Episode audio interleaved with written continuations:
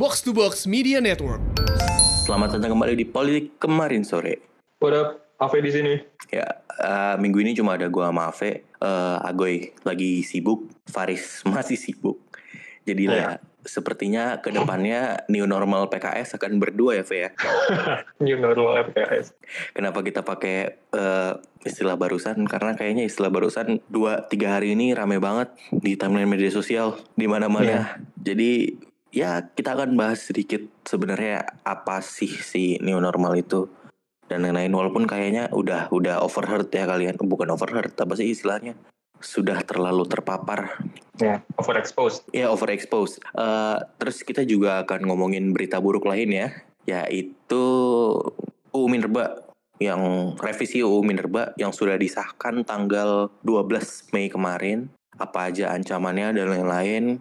Eh, terus lo mau ngebahas Cina Hong Kong tuh apaan sih, Fe? Iya, jadi mm, protes di Hong Kong. Sebenarnya kan protes di Hong Kong nggak nggak belum benar-benar selesai ya, tapi gara-gara gara-gara pandemi aja kayak selesai. Tapi setelah new normal ini kayaknya ramai lagi tuh protes di Hong Kong. Jadi Wah. eh, kita akan ngomongin soal itu. Oke, eh, Ya. itu yang akan kita ngomongin. Tapi sebagaimana new normal yang lainnya, hal yang ini sih tidak terlalu mengejutkan. Kalau Anchor akan semakin mudah digunakan karena sekarang Anchor bisa kalian gunakan melalui aplikasi, tidak hanya menggunakan web. Gimana lengkapnya? Silahkan cek iklan berikut. Ya, jadi kita dari mana dulu nih, Ve, yang mau diomongin? Ya, dua-duanya berita buruk ya. Mendingan berita buruk dari dalam negeri dulu deh. Cuman Dari dalam negeri dulu di- aja ya. Ah, disampaikannya agak-agak light gitu biar kita tidak depressed sudah terlalu banyak berita buruk gue nggak tahu meringankannya gimana sih. Jadi yang terjadi di tanggal 12 Mei kemarin di tengah sepak terjang Satgas Covid DPR RI menyebarkan herba 19 itu jamu ke seluruh Indonesia, Aha. DPR juga masih kerja ternyata yaitu dengan mengesahkan eh, draft revisi undang-undang Minerba. Ini sebenarnya eh, draft yang sama yang ditolak di reformasi di korupsi tahun lalu.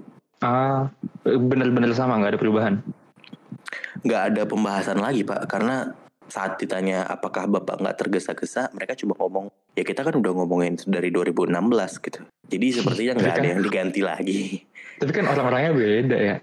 Iya. Kayak berapa persen dari parlemen kan beda ininya. Baru 40% tuh baru kalau nggak salah. 40 persen baru kan? Iya 40% harusnya baru. Walaupun carry over harusnya di, di ini lagi kan dibahas lagi dari awal. Seenggaknya nggak dari awal banget kan dibahas hal-hal yang kontroversialnya tapi emang apa aja sih yang kontroversial dari Wool Minerva itu? Yang pertama secara general ya si UU ini tuh revisi undang-undang ini itu dianggap tidak mendukung adanya sustainable energy Ve, secara Hmm. generalnya karena secara uh, generalnya. izin-izin yang ada itu diperpanjang dari yang tadinya eh, maksimal kontrak terus harus lelang lagi. Sekarang itu kalau nggak salah setelah kontraknya habis mereka dapat opsi memperpanjang dua kali 10 tahun. Artinya Hmm. mereka dapat 20 tahun ekstra tanpa ada lelang lagi. Kalau dulu yang paling baru itu kan misalnya blok rokan ya. Blok rokan itu Ya. kan si Chevron habis kontraknya, Mhm. terus harus ada lelang lagi. Akhirnya diutamakan BUMN kan. Alhasil kalau Mhm. nggak salah diambil alih oleh Pertamina gitu. Nah Ya. hal-hal kayak gini tuh nggak bakal kejadian lagi karena akan ada si otomatis perpanjangan dua kali 10 tahun itu bila tidak Jadi- melanggar. Jadi nambah dua kali dua kali 10 tahun gitu, 10 tahun dua kali perpanjangan. Iya, extra time sepak Oh. bola aja ya. Iya. Kalau kalau nggak ada pelanggaran berarti nggak ada gol gitu ya, langsung otomatis Iya. perpanjangan waktu gitu ya. Hmm. Dan yang kan itu kayak satu merugikan dari segi waktu, yang kedua Mhm. itu memungkinkan mereka buat bank lending, lending bank kan, eh land banking istilahnya. Jadi mereka misalnya gue punya kepentingan 20 tahun yang akan datang, ini tanah tuh akan Mhm. punya gue di 20 tahun yang akan datang, gue bangun aja sesuatu yang di 20 akan- 20 tahun yang akan datang harganya naik gitu. Ah, Jadi prinsip ini tuh sebenarnya dipakai dibuat eh, perumahan rakyat murah gitu. Jadi tanahnya disimpan dulu buat di 20 tahun yang akan datang. Dan dan sebenarnya eh, ini jadi obrolan lain karena ternyata ada puluhan yang habis kontraknya di tahun akhir tahun 2020. Wen. ah, iya. Jadi kepentingan bisnis politiknya kerasa banget ya. Ini kepentingan itunya kerasa. Terus juga kayak bukan kayak bukan perpanjang kayak bukan perpanjang eh bukan kayak bukan revisi undang-undang ya kayak cuma perpanjang kontrak aja sebenarnya gitu iya itu satu dan banyak poin-poin di pasal yang dihilangkan sih. Kalau nggak Hmm. salah tadi itu ada 109-an pasal yang dihilangkan. Tapi ada Hmm. 15 poin penting gitu. Nah, gue nggak akan bacain poin pentingnya karena terlalu teknis dan nggak semuanya bisa ngerti juga. Gue juga banyak yang nggak Ya. ngerti. Eh, tapi salah satu yang paling penting nih, jadi eh, dari dihilangkannya pasal 65, 165 tentang pidana penjara dan denda bagi setiap orang yang mengeluarkan izin usaha pertambangan, izin pertambangan rakyat, atau izin pertambangan khusus. Jadi mereka-mereka yang menyalahgunakan kekuasaan dan bertentangan dengan undang-undang dalam mengeluarkan izin itu udah Mhm. nggak ada ancaman pidana dan penjaranya lagi. oh gitu Jadi, melalui si benar-benar- draft RUU ini udah benar-benar dihilangkan. dan akan kebingungan ya misalkan misalkan masyarakat lokal mau me- menggunakan undang-undang yang mana untuk melawan para perusahaan minerba ini Iya, dan ini ini kalau diambil dari site-nya Jatam ya, anc- ini tuh ancaman buat masyarakat di lingkar tambang gitu, karena mereka Iya. akan makin mudah dikriminalisasi dan dipidana kan, bahkan Iya. mereka bisa dikenai biaya pidana tambahan kan. Kalau si Jatam nariknya sampai sejauh itu sih. berat berat banget ya yang kayak gini bisa-bisanya di disahkan ketika lagi pandemi Dan sebenarnya si gue lupa namanya siapa ya, tapi dari DPR RI-nya ngomong kita udah minta sama, udah berdiskusi sama rakyat kok. Tapi dari Jatam aja mengaku nggak, mereka nggak dilibatkan gitu. Padahal ja- Hmm. udah jelas-jelas namanya Jatam tuh jaringan advokasi tambang, mining, advocacy network gitu bahasa Inggrisnya kan. hmm. Udah jelas ada kata tambang, jaringan advokasi tambang gitu. Yang mengerti hukum dan mengerti tambang. Kenapa hal sedasar ini nggak mereka tarik? Masyarakat mana yang mereka minta kan gitu? masyarakat wirausahawan batu bara lah siapa lagi Oh itu masyarakat dipimpin ya. oleh dipimpin oleh Lord Luhut Wah, benar-benar. tapi balik lagi ke yang sustainable tadi berarti memang eh, dari dari semuanya itu tidak ada konsideran untuk sustainable energy sama sekali ya kayak bahkan itu nggak dipikirin sama mereka gitu Nggak ada. Kayak harusnya lo tapi ya namanya juga UU Minerba kan UU apa Minerba kan nggak ada yang sustainable sustainable kali kan dendanya mungkin V. Yang selama Ah. ini nggak pernah ada diomongin lagi tuh. Harusnya diupdate dong. Karena nilainya kan berubah. Nilai Iya. kerusakan lingkungannya kan makin hari makin parah, makin naik dong harusnya. Iya, soal itu ya. Terus juga nih ada poin juga. yang ya enforcement tapi itu kan bukan di poin undang-undang kan kalau enforcement. Iya, maksud gue selama ini juga belum, berarti belum direview juga soal enforce, enforcementnya kayak gimana. Dan kemudian tidak dimasukkan konsideran itu ke undang-undang. Nah yang bahaya lagi ini sebenarnya agak two sided coin sih. Eh, jadi mereka si perusahaan-perusahaan pemegang kontrak ini sekarang diberikan hak buat eksplorasi. Jadi mereka ditagih sejumlah dana yang mereka gunakan buat eksplorasi. Selama ini kan mereka cuma eksploitasi tuh, artinya tempat yang udah ada digunakan Mhm. buat ngedapetin rupiah-rupiah rupiah. Nah Ya. sekarang pemerintah kita melalui undang-undang ini menuntut perusahaan-perusahaan itu buat eksplorasi sendiri, mencari sumber-sumber tambang baru. Hmm, berarti Nah, ini yang- lebih rusak lagi lingkungannya gitu. Nah bisa dilihat dari sisi itu eh, lebih rusak, terus juga eh, mungkin ini bisa jadi mendatangkan lapindo-lapindo lainnya kan? Ah, bener. Tadi lo bilang dua dua dua sisi dari satu apa? Ada ada bagusnya. Bagusnya itu koin. ah ada sisi mata koin. Berarti ada bagusnya. Bagusnya itu adalah ya, sekarang em, mereka disuruh perusahaan batubara mineral itu jadi boleh eksplorasi Ya, ya dan itu kemudian jadi jadi bukan tanggung jawab pemerintah maksud lo apakah sebelumnya eksplorasi itu Jadi- dilakukan sama siapa sih nah poin setahu gue itu ada ada ada third party gitu, terus soal baru di izin-izin gitu ya eh, terus baru di berarti harus oh ya dari pemerintah daerah kayaknya ya Hmm, kalau asetnya udah dapat, baru ntar disewain lagi. Siapa yang mau mining aset kami? Itulah izin usaha. Jadi tetap di awal itu yang nemuin harus pemerintah. Nah ini udah kayak apa ya bilang? Kayak udah kayak off budgetingnya pemerintah gitu. Iya. Mereka minta swasta buat nyari dan lain-lain. Yang kalau geologis atau mungkin jurusan lo juga berhubungan kali ya. Ini kayak wah ini peluang kerja buat gua nih gitu. Di satu sisi kan bagus kan, kayak anak Nggak, geofisika, kalau arkeologi geologi. kalau kalau geologi ya kalau arkeologi nggak main di sana sih Iya, kecuali geolo- kecuali ada kecuali harus ada kajian budayanya nah kayak um, kayak ibu kota baru tuh harus ada kajian kajian arkeologis dan budayanya dulu itu baru masih baru bisa main di sana tapi kalau pertambangan mostly anak geologi sih ya, geologi, geofisika. ya Kan, wah ini lahan kerja nih gitu. ya, Tapi ya, ya. buat yang peduli sustainable energy makin jauh dong. iya Itu sih kalau dari eh, UU Minerba. ya balik lagi ini jadi hal yang pernah kita omongin sebelumnya nggak sih soal Apa? pandemi ini soal soal pandemi ini tuh bikin pemerintah punya peluang pemerintah yang cenderung otoriter akan punya peluang lebih otoriter kan dan Ah Indonesia- iya, I see. dari, benar dari banget. sudut pandang gue Indonesia ya ya ini salah satu contohnya buat Indonesia gitu dan Ya. mungkin nggak tahu new normal nih kita langsung masuk new new normal aja nih new normal yang dua tiga hari kemarin diomongin itu kan bakalan melibatkan Polri TNI ya menurut lo bakalan seberubah apa kita dari sisi demokratis otoritariannya akan akan leaning ke mana ini kita Wah, gua gak tahu sih, Fe. Gue baru baca po- police brutality yang Amerika, gue jadi takut, Pak. di Indonesia nggak akan segitunya mungkin ya I hope walaupun baru aja ada video yang orang orang yang sakit mental di Aceh di banting-banting sama polisi tahu sih lo Oh iya. Gue Iya. tahu tuh belum nonton. kacau sih Wah.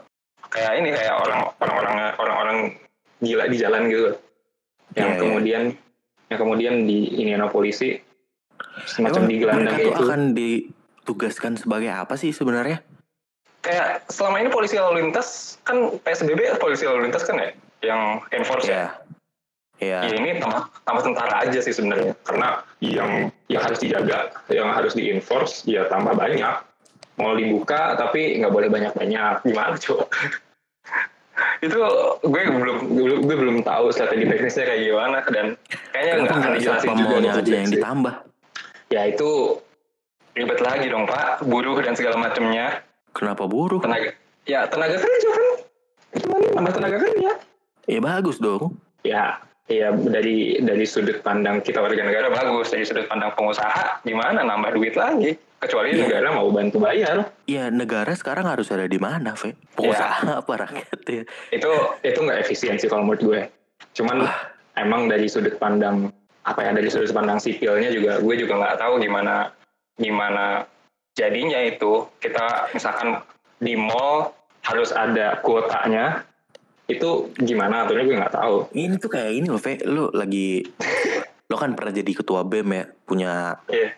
punya divisi, ada anggota divisinya, anggota divisinya ngadu sama kadifnya, Pak kita kurang ini ini Pak nggak bisa ngelakuin ini dan itu. Terus kepala kepala BEM-nya langsung, eh sini aja gue yang ngerjain gitu. Manggil anggota sendiri ngerjain tugas si kadif. Iya, Dilangkahin bisa ya, secara wewenang ngelangkahin itu, tapi kan nggak gitu caranya supaya jalan dengan bagus kan? Iya. Ya, ya kalau di ditarik ke pe- apa ya pe- pengambilan keputusannya, gue juga sebenarnya eh, sanksi ini keputusan yang keputusan yang sudah di, dilakukan banyak kajian sih. Terus epidemiologi aja kita masih belum punya kan? Aduh bro, kajian, aduh, gak tahu sih gue. Kajian apa yang mereka lakukan? tahu. Ini tuh kayak apa ya kayak gue melihat masyarakat dan pemerintah itu sama-sama bodoh amat gitu. Sama pemerintah udah eh, menyerah. Terus masyarakatnya kayak ah pemerintah juga bisa ngapa-ngapain. Ya udahlah balik lagi aja kita balik lagi aja gitu. Gue gue ngerti, gue ngerti poin di balik pembukaan ekonomi ulang sih, tapi Iya. Gak, satu contoh ya, Fe, yang menurut gue aneh banget ketika si new normal ini dinaikin, presidennya surveinya ke mana, Fe? Ke mall, terus ke mana lagi dia? Maksudnya ke sentra-sentra yang konsumsi gitu. Kenapa nggak sentra-sentra produksinya yang diperhatiin duluan kalau emang mau buka Iya, ekonomi bener. kembali gitu? Iya iya. Nah, ke pabrik gitu ya. Iya ke pabrik cek. Udah siap ngejalanin protokol nggak yang bisa kalian optimalkan buat penularannya apa? Anjing Ya. kenapa mall?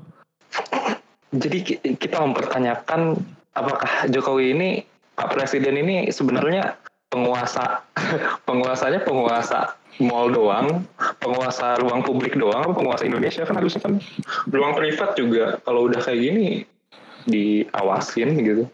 Gue juga sebenarnya nggak tahu penduduk kita jumlahnya yang jadi retailer berapa persen ya. Mungkin emang lebih banyak yang yang yang jadi jualan retail gitu. Jadi mungkin bisa masuk akal. Tapi yang jadi tantangan buat kita ke depannya kan kalau nggak ada yang produksi, bukan nggak bukan sekedar nggak ada yang beli gitu. Ya, tapi memang kalau nggak salah setahu gue itu memang sekian puluh persen ekonomi Indonesia itu dari UKM dan UKM itu kejadiannya terjadinya ya di public place mungkin itu bisa jadi konsideran juga sih. Iya, tapi kan UKM nggak semuanya. UKM itu kan nggak hanya retailer kan. Ya, Nah, tukang tukang gorengan UKM juga. nggak mereka mikro M-nya, nggak UMKM mereka. Ya UM UM ya. Iya. Usaha Tapi, iya, kecil iya. dong, buka dong. Enggak pak, mikro itu aja keluar kecil. harus lima 500 juta setahun untuk keluar dari kategori mikro laba bersihnya. Ah gitu. Jadi Ya. kecil itu masuknya mungkin miliaran kecil tuh. Tapi ya ada yang pengen ada yang pengen lockdown terus, ada yang nggak pengen. Menurut lo sebenarnya general voice-nya Indonesians tuh gimana sih menurut lo sekarang? Sebenarnya semua orang pengennya buka semua sih, we. Iya. menurut gue ya. Tapi ya, Ah. ya, ya asal si enforcingnya ini bisa dijalankan. Nah sekarang Yang kita udah kita- kehilangan poin enforcingnya bisa dijalankan itu. Jadi kayak Iya. ya udah yang mau buka kekeh mau buka, yang masih bisa bertahan lebih lama bertahan lebih lama. Dan dan itu gimana daerah menurut lo? Bukan gimana daerah sih pak. Ya kita tahu sih ini sentralistik banget kan. Sebagus-bagusnya otonomi daerah dijalankan. Seharusnya pusat duit di mana? Iya. Nah ini ini Indonesia adalah negara tanggung. Sentralistik kagak, otonomi daerah jelek lah, tanggung semua. Nggak, tapi gue denger ini sih, bukan denger. Gue ngeliat di sosial media kemarin itu ada yang ada yang ada ada yang ada yang ngambil hot text. Hot Ya. textnya adalah yang pengen buka, yang pengen PSBB dilonggarkan adalah kelas atas dan kelas bawah. Karena kelas atas duitnya investasi semua, duitnya di bisnis semua. Kalau bisnis gak jalan mereka rugi. Kelas bawah nggak dapat duit kalau nggak keluar. Ya tukang gorengan nggak bisa jual gorengan, tukang bubur nggak bisa jual bubur, tukang apa pun itu nggak bisa mereka ngelakuin ekonomi kecil, ekonomi mikro mereka kalau nggak ada orang lalu lalang. Yang pengen stay, yang pengen lockdown adalah kelas menengah, yang mereka stay di rumah tapi tetap dibayar, yang stay di rumah tapi tetap bisa kerja, gitu sih. Itu itu hot takes yang menurut gue, ah hmm, mungkin mungkin juga gitu. Tapi itu cuma 2-3 bulan. Mungkin we, 3 bulan ke depan juga yang tengah mulai kerasain menurut gue.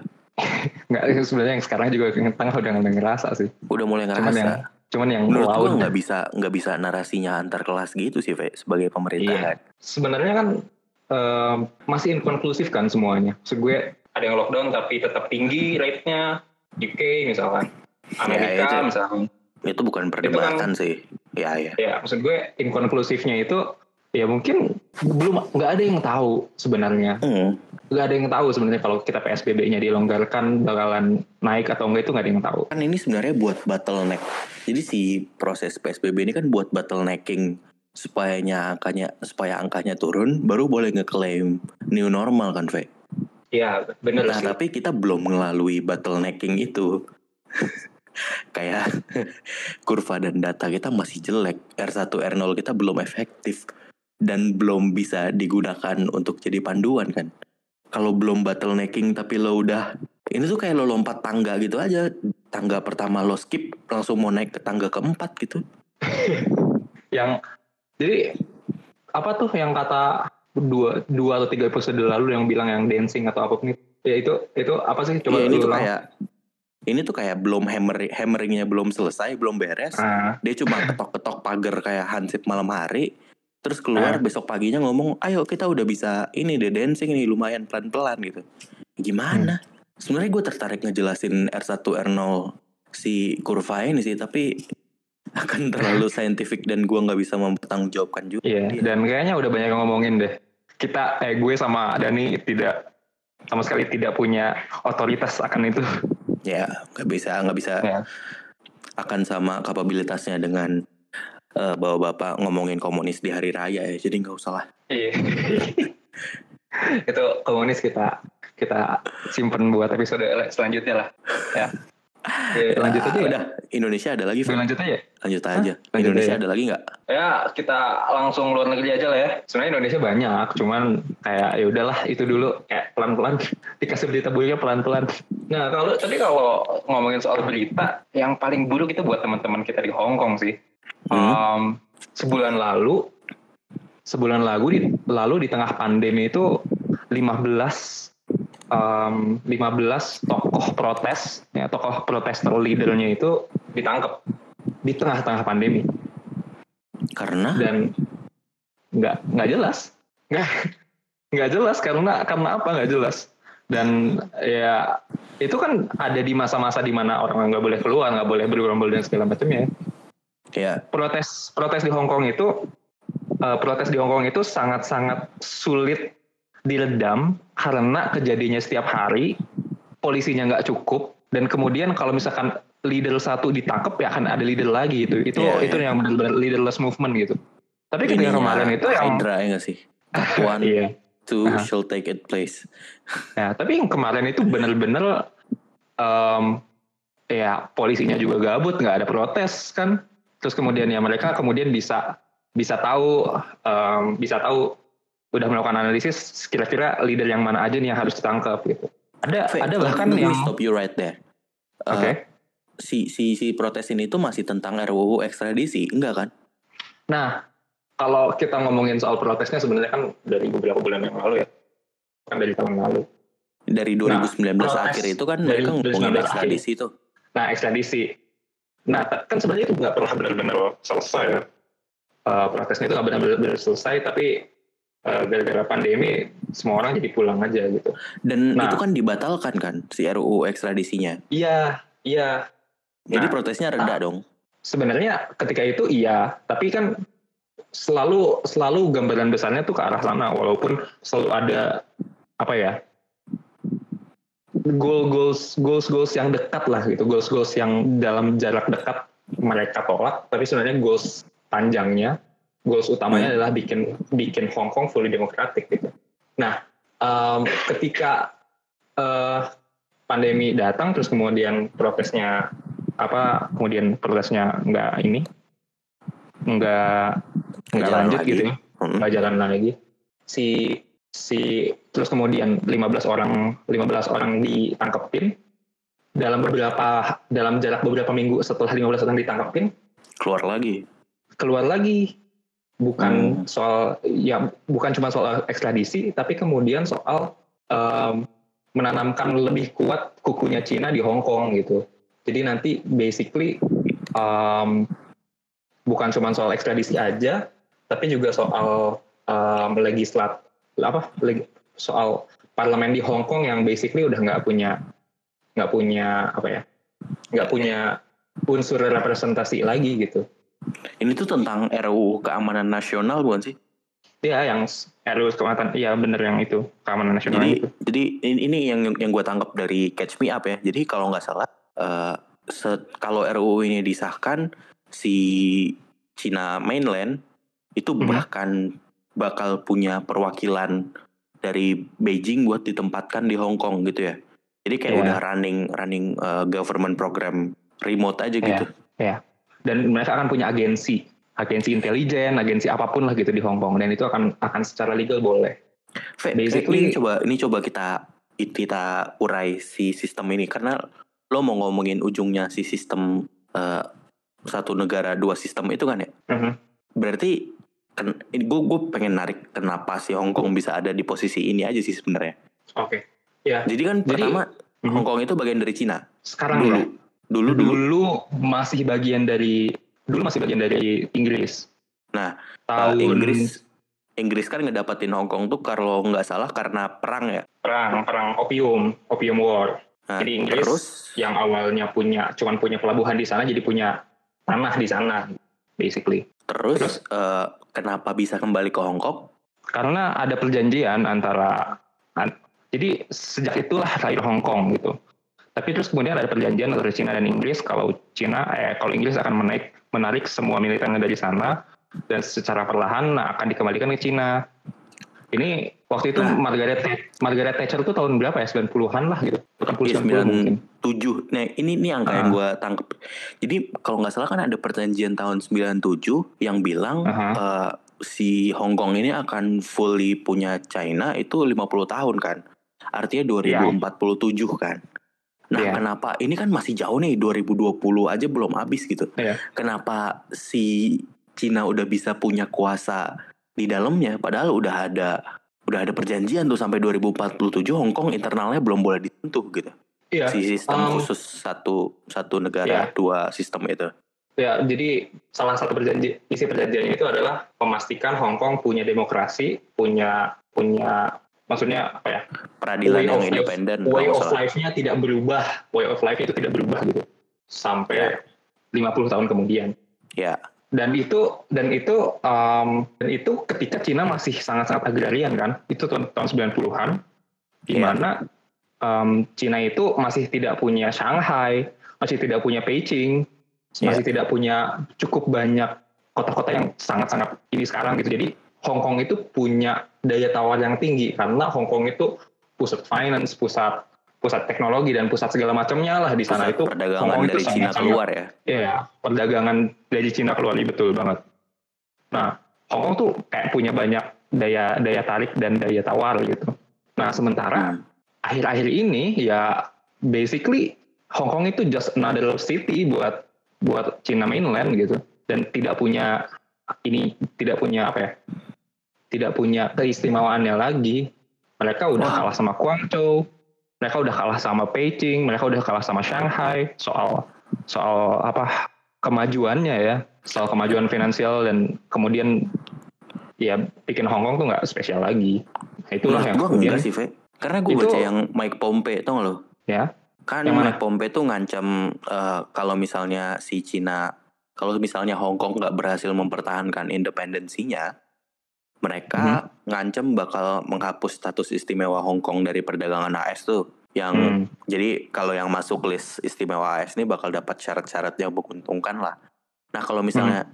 si si Mike Pompeo itu mengancam eh, Hong Kong dikeluarkan dari list yang dapat spesial itu. Nah Cina itu juga Hmm. takut karena selama ini sebenarnya perdagangan Cina itu juga melalui Hong Kong. Mhm. Jadi si AS ini tapi- kayak nge- ngebunuh ngebunuh satu eh dua burung pakai satu batu gitu. Ya tapi increasingly less dependent menurut gue karena Ya, semakin. ha. ya increasingly less dependent dan um, ini udah dilakukan kayak brainwashnya media Cina ke Hong Kong itu udah dilakukan dari dari sejak dari sejak dari sejak apa ya dari sejak Cina punya punya ini yang lain gitu punya punya major major city yang lain dan kayak gimana ya ini sebenarnya a lot to unwrap di satu episode sih yang Iya, jelas benar. um, yang jelas uh, Cina dan Hong Kong itu di jadi Cina itu makin nggak sabar sama Hong Kong. Sementara um, gimana ya? Kalau jadi kalau yang gue pandang sih sebenarnya kayak gini. Kalau kemudian Cina udah bisa ngeredam Hong Kong, udah pasti negara negara Cina itu solid gitu. Karena Hong Kong yang paling keras suaranya, yang paling lantang suaranya. Sementara mereka juga mereka sendiri udah punya um, problem hak asasi manusia di Uighur, problem surveillance dan segala Iya. macamnya gitu. Jadi buat mereka Ini aneh Ini- karena ini ini ini harusnya masuk apa? Ini harusnya kita nanyain sama ahli ahli politik global ya. Tapi setahu gue, Cina itu apa interest membungkam Hong Kong itu bukan cuma buat dapetin Hong Kong doang, tapi buat stabilitas Cina-nya. Dan itu sangat-sangat ini, sangat-sangat sangat-sangat penting buat mereka dilakukan cepat gitu. It's quite a lot like ini gak sih? Eh, Papua Barat. Bedanya Papua Barat masih ada Pepera yang walaupun settingan obviously Iya. buat diserahkan ke Hmm. Indonesia. Tapi Hong Kongnya emang bener-bener dioper aja bos. Sudah kayak Iya. ini bos. Sudah kayak Iya. wah, Um, kenapa Cina bisa masukin itu kan sebenarnya undang-undang national security-nya itu sebenarnya yang bikin yang bikin Cina tapi kemudian yang menyetujui dan mengesahkan itu adalah parlemennya si Hong Kong. Parlemennya Hong Kong yang bangsat Ah. ini kan. Ah, parlemennya Hong Kong ini nggak kayak parlemen biasanya. Parlemen biasanya semuanya democratic, democratically elected Iya. ya. Semuanya Iya. di. Nah, kalau parlemen Hong Kong ini isinya adalah perwakilan bisnis. Kayak dua per Hmm. tiganya itu perwakilan bisnis. Perwakilan bisnis Iya. itu punya ties ke mainland China, punya benar. ties ke ya punya ties ke pemerintahan komunis sehingga mereka nggak mau Akhirnya mau tied up ke kapital yang gitu. menyokong dia juga kan. Iya betul. Maksud gue buat perusahaan-perusahaan Hong Kong ya mereka butuh mar- marketnya Cina gitu. Mereka butuh Iya. akses ke kapitalnya Cina juga. Jadi ini, ya ini agak-agak kalau gue gue bayangin lagi, gue tarik lagi ini kayak land banking tadi, Ve. Mereka Iya. kayak nyiapin semua aturannya dulu, ntar 2047 gaspol berarti. Nggak Iya. harus nyiapin fondasi lagi. iya bener. Jadi kayak Cina tuh udah masukin masukin um, hal-hal yang sangat mainland Cina ke TV-nya Hong Kong. Kayak masukin ke kurikulum pendidikannya juga gitu. Bener-bener ya kayak revolusi revolusi budayanya mau gitu. Dan memang sebenarnya nggak bisa revolusinya melalui ini. Karena ini country udah dari 9 berapa dipegang Inggris kan dari 70-an ya. Udah 70 Oh, iya, tahun Mbak. tuh megang demokrasi kan. ya 70 tahun. Iya benar. Iya. Mhm. Jadi ini Dari tuh nggak abad 19. penduduknya Cina itu kan udah nerima kayak kayak dulu kita ada masa Orba kan kurikulum cinta Pancasila tuh. Iya. Udah udah Iya, nerima itu semasa hidup mereka 12 tahun. Eh, terus mereka keluarnya jadi generasi yang paling anti sama PKI sekarang nih yang jadi orang tua kita. Iya. Itu kan yang dirasain sama rakyat Cina sekarang kan. Paling anti sama ya hal-hal yang anti Cina gitu. Terus mereka juga Nah. benci sebagian Hong Kong. Nah sementara Hong Kong kan hidup dengan kebebasan informasi. Mereka kan nggak bisa Iya. Dituntut buat disurprise. Mhm. Mereka ngerti kan. Ya. Tapi yang dilakukan pemerintahnya adalah masukin kurikulum biar nanti orang-orang yang megang 20 tahun nggak Ya. akan protes karena mereka kena kena kurikulum itu dari SD anjing bener banget. Ya. Gue baru pikiran sekarang Jauh, tuh.